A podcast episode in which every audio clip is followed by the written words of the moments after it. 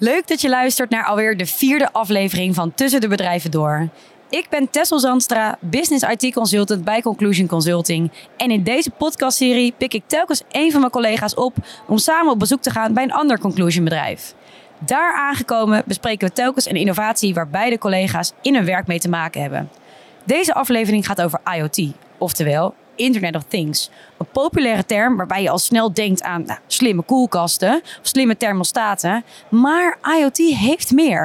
Het staat namelijk in onze uh, tech-radar van Conclusion, staat het bij de volwassen innovatieve technologieën.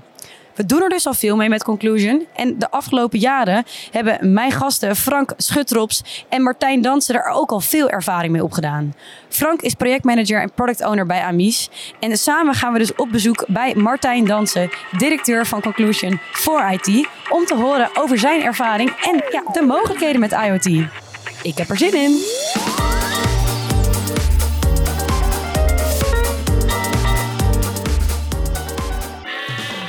Ik sta nu op station Houten en samen met mijn eerste gast Frank Schutrops gaan we naar de Railtech beurs in Utrecht.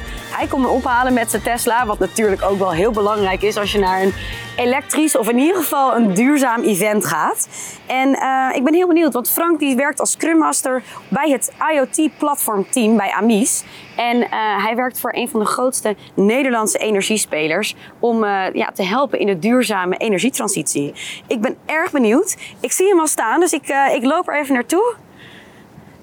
Kijk, daar is hij al.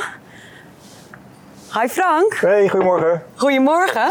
Even kijken, hoe ja. krijg ik dit open? Gelukkig. Ik stap dus niet elke dag in een Tesla, dus... Welkom. Zo. Oh, wat heerlijk. Die schermen in, in zo'n auto, de, de, sensoren, dat heb ik uh, in mijn Opel Carl heb ik dat niet. En we gaan alsof we er in een raket zitten, zo hard uh, rijden we weg. Hey, ontzettend leuk om, om jou hier vandaag even te treffen, Frank. Ja, leuk. Ja. Ben jij dan wel eens op zo'n Railtech beurs geweest in de jaarbeurs? Nee, nog nooit. Oké, nou ja, in ieder geval de beurs vandaag. Veel mensen, veel technologie en uh, het gaat veel over uh, treinen die op energie rijden. En dat is volgens mij ook iets waar, uh, waar jij dan toch weer veel mee bezig bent. Dus ik ben eigenlijk heel benieuwd. Jij werkt bij Amis. Ja, klopt. Amis is een van de vele bedrijven van het Conclusion Ecosysteem. Wat doet Amis nou precies? Nou, Amis doet op dit moment, want we staan al wat langer, inmiddels al 30 jaar. Uh, op dit moment zijn we vooral gefocust op integratieoplossingen. Dus eigenlijk systemen met elkaar verbinden. Uh, dat doen we ja, voor verschillende toepassingen. Uh, voor, om applicaties met elkaar te laten praten. En soms ook specifieker bijvoorbeeld een IoT-platform waarbij je natuurlijk uh, apparaten laat praten met andere systemen. En waar ben jij dan in zo'n, op zo'n dag of in een week mee bezig? Nou, ik, ik, ben geen ontwikkelaar, dus ik help niet met het, met het echte bouwen van, de, van, de, van het systeem. Maar ik zorg ervoor dat uh, de, uh, ja, wat er moet gebeuren, dat dat helder is. Uh, dat we dat in de goede volgorde gaan, gaan ontwikkelen. dus ik help eigenlijk de klant met het, nou, het, het bedenken van de oplossing. En wat in jouw rol, hoe heet jouw rol? IoT-analyst. maar ik ben ook Scrum Master projectmanager, die hoek. Dus ik zit meer in de, in de regiehoek, maar ook in de, in de requirements. Vandaag gaan we het uiteraard hebben over IoT. Um, ik ben wel benieuwd, in, in jouw woorden, wat houdt IoT nou precies in?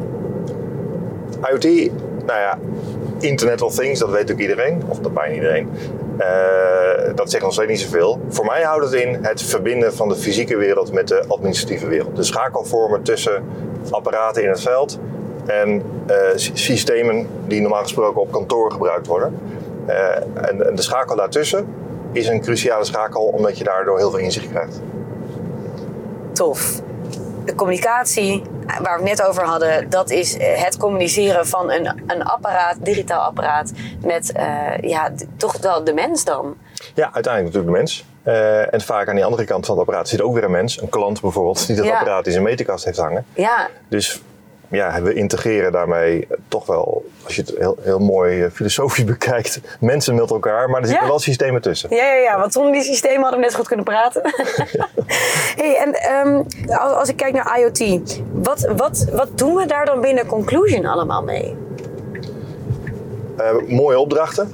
Uh, zoals? Zoals, nou ja, waar ik nog nu zit bij een grote speler op de Nederlandse energiemarkt. Hiervoor deden we een, een opdracht bij een, een klant die leverde industriële producten. zoals moet je denken aan een pomp of een ja, technisch een frequentieregelaar of, of allerlei andere installaties. Die stonden dan bij die klant van die leverancier. En, en dat bedrijf wilde eigenlijk meer. Dus die wilde niet alleen maar die pomp leveren, die wilde eigenlijk een dienst leveren. Hè, de pompen als een dienst. Van wij zorgen ervoor dat die pomp altijd werkt. En dus zijn wij hem gaan uitbreiden met sensoren om te beoordelen of die goed werkt. Zodat die, ja, die, die, die, die soort van groothandel uh, niet alleen groothandel werd, maar ook diensten kon leveren. We zijn nu bij de jaarbeurs. Ik zie hem zo liggen. Um, we gaan daar naar Martijn Dansen van 4IT. En die staat dus vandaag op de Railtech Europe, zo heet het dan officieel. Nou, we zitten dus aan tafel in de jaarbeurs. Echt vol met stands en mensen. En ja, wat zie ik allemaal? Waar zijn wij nou, Martijn? Ja, uh, welkom uh, Tessel en Frank op de Railtech-beurs hier in Utrecht in de jaarbeurs. Dit uh, driedaagse event deze week concentreert zich helemaal op de spoorbranche in Nederland en ook wel een stukje daarbuiten. We zien ook wat internationale bezoekers. En het zit al in het woord, Rail Tech. Dus we kijken hier vooral naar techniek. Techniek die tentoon wordt gesteld door allerlei spoorbedrijven, bouwpartijen, innovators, IT-bedrijven. Van alles is hier. Wauw, dit is dus echt jouw dag, of jouw driedaagse. Dit zijn mijn drie dagen, samen met overigens ook eh, de Innotrans in Berlijn, eind van het jaar. Dat is eh, de spoormarkt van de hele wereld. Daar komen alle landen bij elkaar in een gigantisch complex. Het is hier iets lokaler, iets kleiner, maar desalniettemin eh, een feestweek, absoluut. Gaaf. hey Martijn, we hebben jouw hele introductie overgeslagen, want ja, die Realtech-beurs moest ik toch echt eerst even Zeker naar vragen. Kun jij hem even, even vertellen? Jij werkt bij 4IT, maar ik heb geen idee nou ja, klein ideetje. Um, wie je bent en wat jullie doen. Kan je ja. vertellen? Nou, ik ben uh, Martijn Dansen. Nogmaals uh, welkom hier. En um, bijna 40 jaar alweer, nog twee weken. Um, zit bij 4IT sinds 2015 en 4IT zelf sinds 2014 weer bij Conclusion. Um, kom uit Utrecht en geboren en getogen in Capelle aan de IJssel. Dat is letterlijk naast het pand van 4IT. Dus voor mij elke dag weer een heel feestje om daar naartoe te mogen. Um, 4IT is een uh, uh, bedrijf wat zich specialiseert in het ontwerpen en het bouwen en onderhouden van reisinformatieproducten. En wij zijn het meest bekend van de, de blauwe borden op de stations die de reisinformatie aangeven alle informatieborden of informatievoorziening-producten die iets dus met, met reisinformatie te maken hebben, daar zijn jullie voor. Dat zijn toevallig nou weer heel veel producten waar, of in ieder geval systemen, waar volgens mij Frank ook weer uh, mee aan de slag gaat in zijn rol bij Amis. Frank, zie jij dan ook Martijn zijn producten dagelijks voorbij komen? Nee, wij, zien, wij werken niet samen met, uh, met 4IT voor de data die komt of moet naar een, uh, een bord op een station. Wij, uh, wij doen andere dienstverlening voor andere klanten. Uh, en dat, dat, ja, de overeenkomsten zijn eigenlijk wel dat die over heel Nederland verspreid zijn. Dus in allerlei installaties over heel Nederland. Waar, waar je aspecten hebt als communicatie of uh, monteurs die er naartoe moeten. Of data die weer centraal verzameld moet worden. Dus ja. dat zijn de overeenkomsten. Dus die assets, daar werken jullie werken allebei met, met de assets. Uh, en uiteindelijk gaat er dus data van die assets naar iets anders. Om het uh, ja, dus voor een mens weer inzichtelijk te maken. Dit is wat er nu aan het gebeuren is. Precies. Ja, dus in dat aspect zitten wij op, op hetzelfde werkterrein. Maar we hebben toch wel andere toepassingen. Dus dat, ja. waar, waar zit dat verschil nou in tussen de toepassing dan bij jou? Het project wat ik nu doe is vooral gericht op de energiemarkt. Dus heeft niks met rail te maken. Dus dat is al, al een belangrijk verschil. Uh, uh, en er zitten ook consumentenaspecten in. Dus dat, uh, dat we ook apparatuur sturen en uitlezen die bij mensen thuis staat. Dus dat geeft ook wel een, weer een andere, andere invalshoek. Ja, dus eigenlijk ook een andere doelgroep om het zo... Ja, maar we doen ook de, de, de, de grote installaties die, die gewoon ergens in Nederland staan. grote energiecentrale of windmolens of, of zonneparken. Ja. Uh, uh, er zit ook allerlei data die we graag uh, centraal willen, willen ontvangen. En als het nou, ik ben toch even benieuwd. Ik ken IoT dan echt vooral van de koelkasten of de slimme thermostaat. Of nou, eigenlijk of slimme lamp. Die heb ik dan ook wel weer net geïnstalleerd. Daar ben ik heel blij mee. Um, wat voor voorbeelden van, van IoT ken ik nou misschien wel nog niet als, als onwetende consument? Martijn? Goeie vraag. Um, in mijn vorige werk, wat zich overigens ook weer op uh, de treinenindustrie over heel Europa richtte, werkte ik samen met een, met een ondernemer. En die deed naast het werk voor schermen en reisinformatie op treinen, deed hij ook het ontwikkelen van IoT-oplossingen waarmee we uh, bij gewassen, die dus groeien in kassen en naar buiten, uh, kunnen zien of er stressfactoren zijn die maken dat er een kans is op een uh, misoogst. die dus veel accurater dan nu kunnen meten wat de gezondheidsstatus van die planten zijn. Uh, een geweldig concept, wat hier langzamerhand begonnen is en wat nu over de hele wereld toegepast wordt. Uh, door puur en alleen sensoren en data te koppelen aan je gewassen en daarmee metingen uit te voeren. Dat is iets wat ik totaal niet wist, totaal niet had verwacht dat dat bestaat, maar wordt blijkbaar al heel erg breed toegepast. In een markt ook die trouwens, in tegenstelling tot de markt waarin we nu hier in deze jaarbus zitten, uh, heel erg adoptief is ten aanzien van nieuwe technologie en heel snel zegt van wij nemen het wel over, wij proeven het wel. Dat is een hele mooie markt. Die, uh, ja, hoe noem je dat? Die agri, agriculture ja, markt. Agrifirm, agri, um, ja, ja, ja. En dat is ook eh, wel een, een, een groot uh, contrast met nogmaals waar we hier zitten. Uh, waarin alles wel nou, beperkt is aan veel voorwaarden en wetgeving en dat soort zaken. Ja, zo heeft iedere branche denk ik zijn eigen nou, uh, uh, eigenschappen. Ja. Hè? Dus uh, de agrarische sector, daar zie je volgens mij dat IoT best wel vooruitstrevend ingezet wordt. Ja. Dat die agrariërs dus doorhebben ja. dat het veel waarde kan, eh, kan toevoegen. Uh, traditioneel komt het die misschien meer uit de fabrieken waar allerlei apparatuur staat om producten te maken en dat je dan graag wil dat die fabriek efficiënt draait. Wat eigenlijk vrij overzichtelijk is qua IoT, omdat je in één gebouw, moet zeggen, allerlei uh, machines gaat ontsluiten. Nou, dus eigenlijk de industriële sector, dus ja. het ook veel, veel toegepast worden. Ja. En medisch, hè, dus uh, het op afstand mensen kunnen monitoren of, of, of apparatuur van, uh, van een ziekenhuis kunnen monitoren. Uh, dat is een Wat, ja, apart, apart segment. Eigenlijk wordt het dus gewoon veel meer toegepast. Misschien al, als ik dus ook in het ziekenhuis zou belanden nu, dan is IoT overal om mij heen. Maar wat is nou die succesfactor van, van het stukje waar het, waarom we het zo graag toepassen? Ja, je bekijkt eigenlijk hoe was het, hè, doordat je al die data hebt. Hoe was het in het verleden? Je kijkt hoe is het nu? En wat kan ik daarvan leren? Wat betekent dit voor de toekomst? Dat zijn denk ik de drie vlakken eigenlijk waarover je het benadert. Ja. Dan um, ben ik eigenlijk misschien vooral even benieuwd, wat is dan IoT niet? er zit heel veel kennis bij mensen in de organisatie over hun vakgebied. Ja. Uh, en in een IT-platform kan je data centraal brengen. En dan kan je ook allemaal analyses uh, uh, op, op, loslaten die dan tot conclusies leiden. Ja.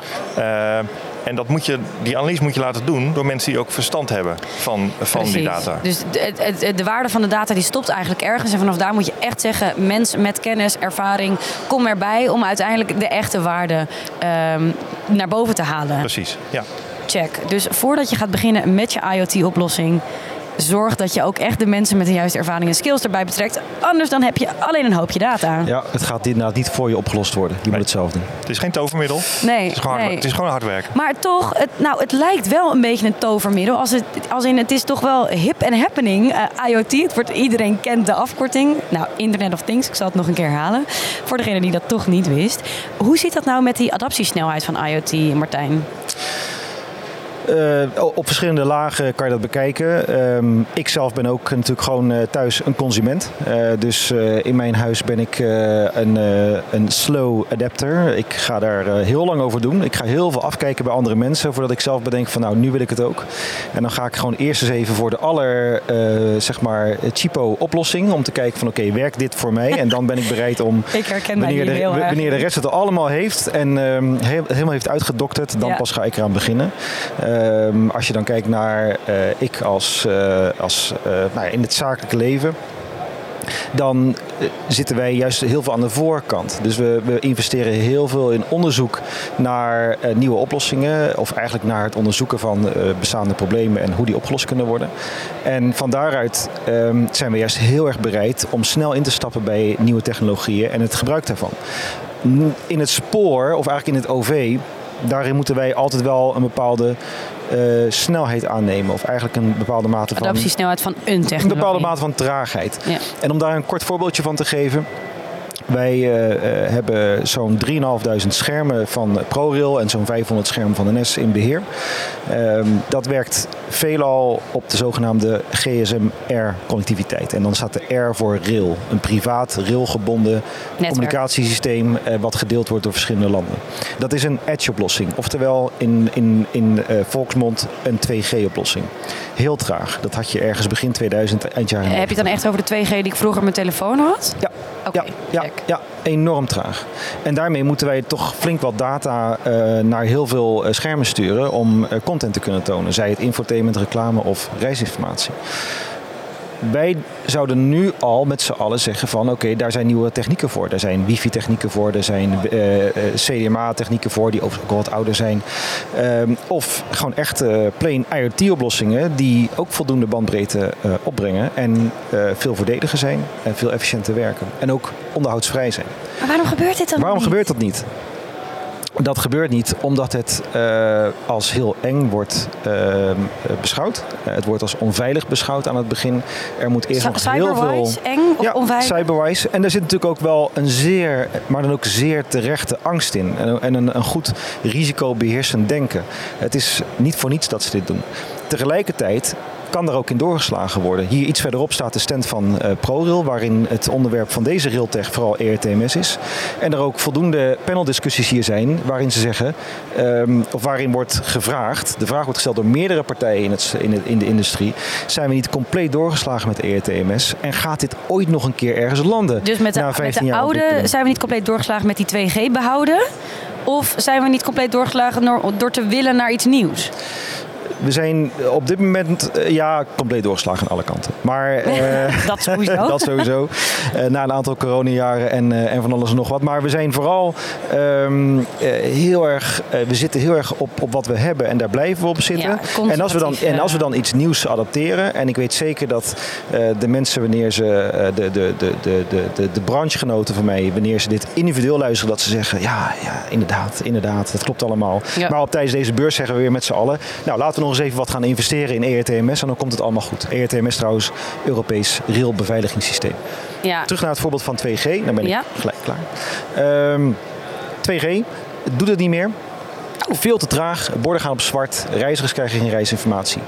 Um, en uh, wat je moet voorstellen is, in plaats van dat wij voorstellen, ga naar een uh, uh, low maintenance, low cost IoT oplossing dat zouden wij nooit doen. We zouden het wel willen, we zouden het kunnen, we zouden het heel graag willen beproeven, maar we gaan het niet doen. Wat wij voorstellen is, laten we naar 4G gaan. Een techniek van inmiddels 5 tot 10 jaar oud, die heel uh, uh, nou ja, uh, zeker is. en zelfs die stap was nog redelijk Dus jij zegt nog even twee stappen vooruit, omdat dat, anders word je over vijf jaar weer ingehaald Ja. door de nieuwe technologie die komt. Hoe Ja. is dit nou voor jou, Frank? Jij hoort dit. Jij werkt eigenlijk, als ik het zo hoor, wel toch meer op de ja, wat, wat nieuwere kant van de IoT-toepassingen. Ga jij nou helemaal hiervan eh soort van trillen en denk je, waarom gebeurt dit? Kan jij iets toevoegen aan deze sector als Amies? Nou, ik kan alleen maar ja, bevestigen van wat jij zegt. In de IoT-wereld heb je te maken met apparaten die niet allemaal, niet allemaal vandaag geïnstalleerd worden. Dat zijn apparaten die, die soms al 20 jaar of misschien nog wel langer ergens staan. Die zijn toen neergezet met een bepaalde economische levensduur. Uh, dus dan kan je wel zeggen van dat gaan we allemaal vervangen, maar dat kan niet. Ja. Daar heb je de Ja. mensen niet Ja, voor, daar heb je het geld niet Toch, voor. jongens, zeker. ik ben misschien toch een mannen, moet ik zeggen, iets jongere generatie. Ik denk, jeetje, hoe kan het nou dat we daar dus nog niet in staat zijn om met die wend, zeg maar wendbaar mee te gaan? En die te- technologieën die zich al dubbel en dwars bewezen hebben, als ik Martijn net eh, hoor, dat we dat kunnen toepassen. Nou, ben ik dan we- de enige? We kunnen het toepassen, maar het kan niet in één keer. Je kan niet zeggen van we, we, we hebben een greenfield en we beginnen Ja, met ja. niks. Nee, er- zijn al treinen of Ja. er zijn al windmolens. Dus klopt. daarmee moet je, Oh, dus die de moet je ook MVP's gebruiken. zijn de, de, de minimal viable products, om even zonder afkortingen te spreken. Die zijn er dus wel al. Ja, Frank, dat heb je heel mooi aangevuld inderdaad. Die, die assets zijn er inderdaad voor 30 jaar. Die zijn vijf jaar geleden aangekocht of 30 jaar geleden aangekocht. Die zijn er. En daarom eh, is een van onze belangrijkste eh, eh, services naar onze klanten toe ook refurbishment. Waarin, Ja. we het, waarin we het reviseren, waar we het na installatie alsnog aanbrengen. Ja. Maar inderdaad, je kan er niet omheen dat je te maken hebt met een installbase. eh, en dat eh, de beste oplossing eh, niet altijd daar gelijk op toepasbaar is. Ja, Ja. de nieuwste is. Ja. Oké, oké. Dus, maar dus ook wij hebben te maken met 2G-oplossingen. Die waren er al voordat wij eraan begonnen. Eh, maar die moesten wel eh, ontsloten worden. Eh, Check. en de nieuwe zijn dan met de ja, LTE-M heet dat dan, nou, 4G-variant. dus die gebruiken we waar het kan. Maar waar het moet, moeten we gewoon aan de slag met de zaken die er al zijn. En komen dan klanten nu ook naar jullie toe met een specifiek IoT-vraagstuk, zoals eh, weet ik veel, eh, het tracken van een weerstation of iets, iets geks, en zeggen ze: Dit wil ik hebben, dit wil ik gebouwd hebben? Kijk, Frank even als Nou, eerste aan. Een mooi voorbeeld is wat we alweer een aantal jaar geleden gema- gemaakt hebben voor eh, Tata Steel. Eh, samen met andere partners, eh, was een, een, een wielgraver. Ik weet niet, jullie weten, wat- weten wat een wielgraver Ik is. maar je moet zo'n zo'n hele berg ijzererts voorstellen. En een hele grote berg. Eh, en dan heb je een soort van ja, Oh, zo'n kermisattractie die dan zo'n... Ja, zo'n soort ja, draaimolen en die schept daar ijzererts af. Ja. Eh, en dat zijn vrij grote machines, die zijn groter dan je denkt. Eh, en die heb je ook niet zomaar weer, eh, daar heb ik niet zomaar nieuwe van. Dus degene die je hebt, moet blijven draaien. Eh, en daar hebben we eh, ervoor gezorgd dat die uitgerust werden met trillingsensoren. Waardoor we konden zien of de lagers of de versnellingsbak van die wielgraver of die trilling, trilling begon te vertonen, die duiden op slijtage of mogelijk uitval.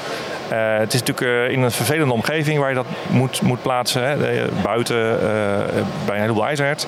Eh, en dan met, met zeewind ook. Dus we hadden ook nog weer last van trillingen van de wind op de machine. Dus allerlei rare dingen die je van tevoren ook niet had bedacht. Maar dat is een heel mooi voorbeeld van een, een, ja, een point oplossing voor, voor een wielgraver. Ja, dat is, eh, daar worden mensen heel blij van. dan Tata Steel ook echt van, ik wil dit specifiek van jullie, eh, van jullie hebben? Of Nou, gaven ze eigenlijk aan, joh, dit is ons probleem, wat zou jouw oplossing zijn? Eh, Zo'n wielgraver is een cruciaal component. Je hebt er één van, misschien twee. Als die uitvalt, is er een heel proces wat erachter zit, wat het ook niet meer doet. Dus de consequenties van die uitval zijn gigantisch. Ja. Dus dan loont het om iets heel specifieks te maken.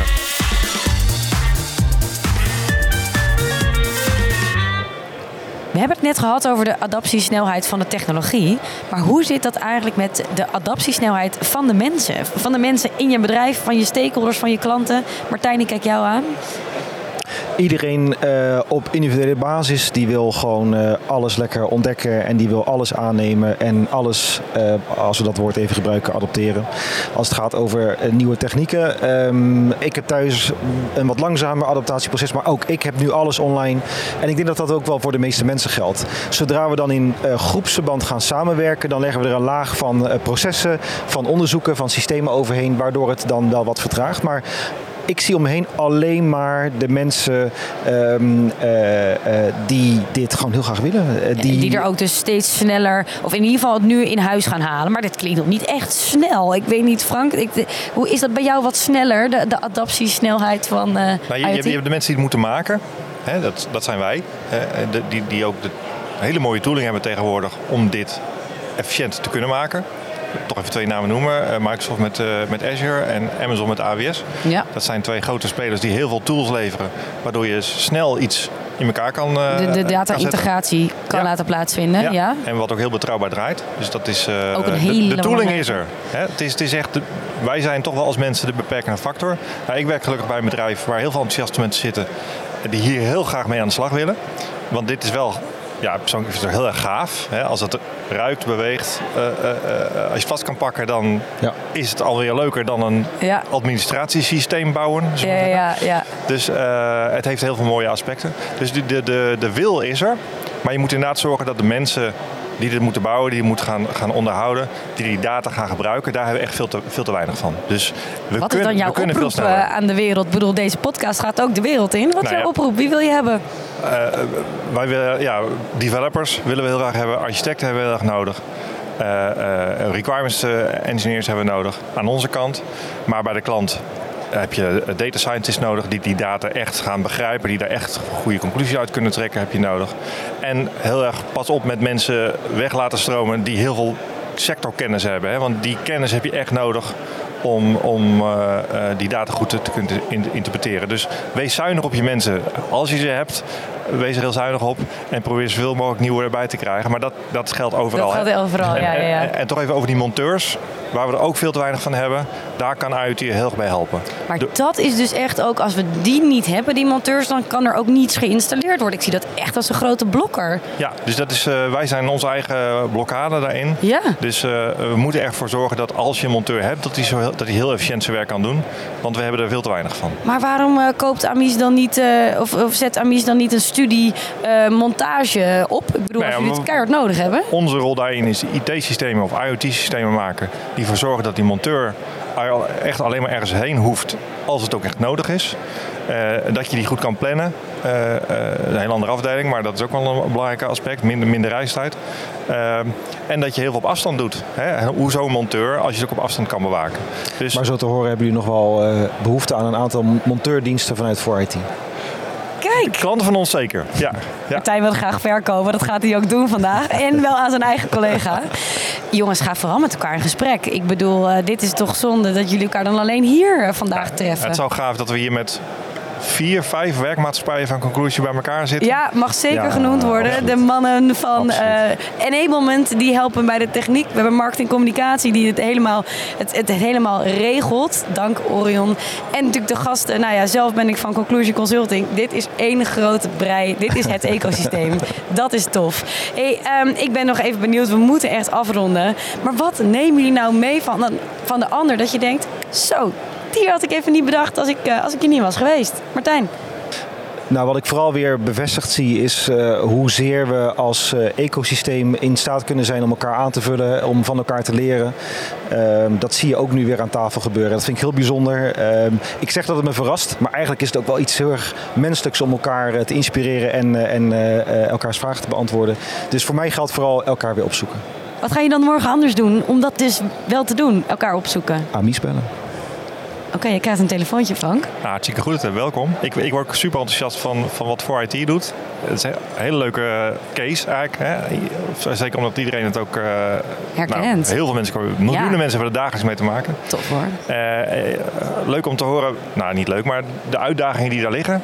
eh, daar hebben wij misschien ook wel wat oplossingen voor. Ja. Eh, vanuit onze ervaring met eh, Welke uitdaging specifiek? nou, het energieverbruik eh, eh, of de communicatie. Ja. Dat zijn wel twee, eh, twee, twee zaken waar we misschien bij, bij, een beetje bij kunnen helpen. Nou, misschien een beetje. Hallo Frank, je mag wel eh, gewoon morgen Martijn eens even opbellen. We gaan, ja, ik ga hem zeker opbellen. Maar dat geldt ook voor allerlei andere werkmaatschappijen waar we echt super gave dingen samen mee doen. Hè, In de auto hadden we, het al, hadden we het er al even over voor andere, andere werkmaatschappijen waar we ook mee, mee werken voor klanten. En dat is wel het, het mooie van Conclusion, die, die verbinding die wij als organisatie met elkaar maken.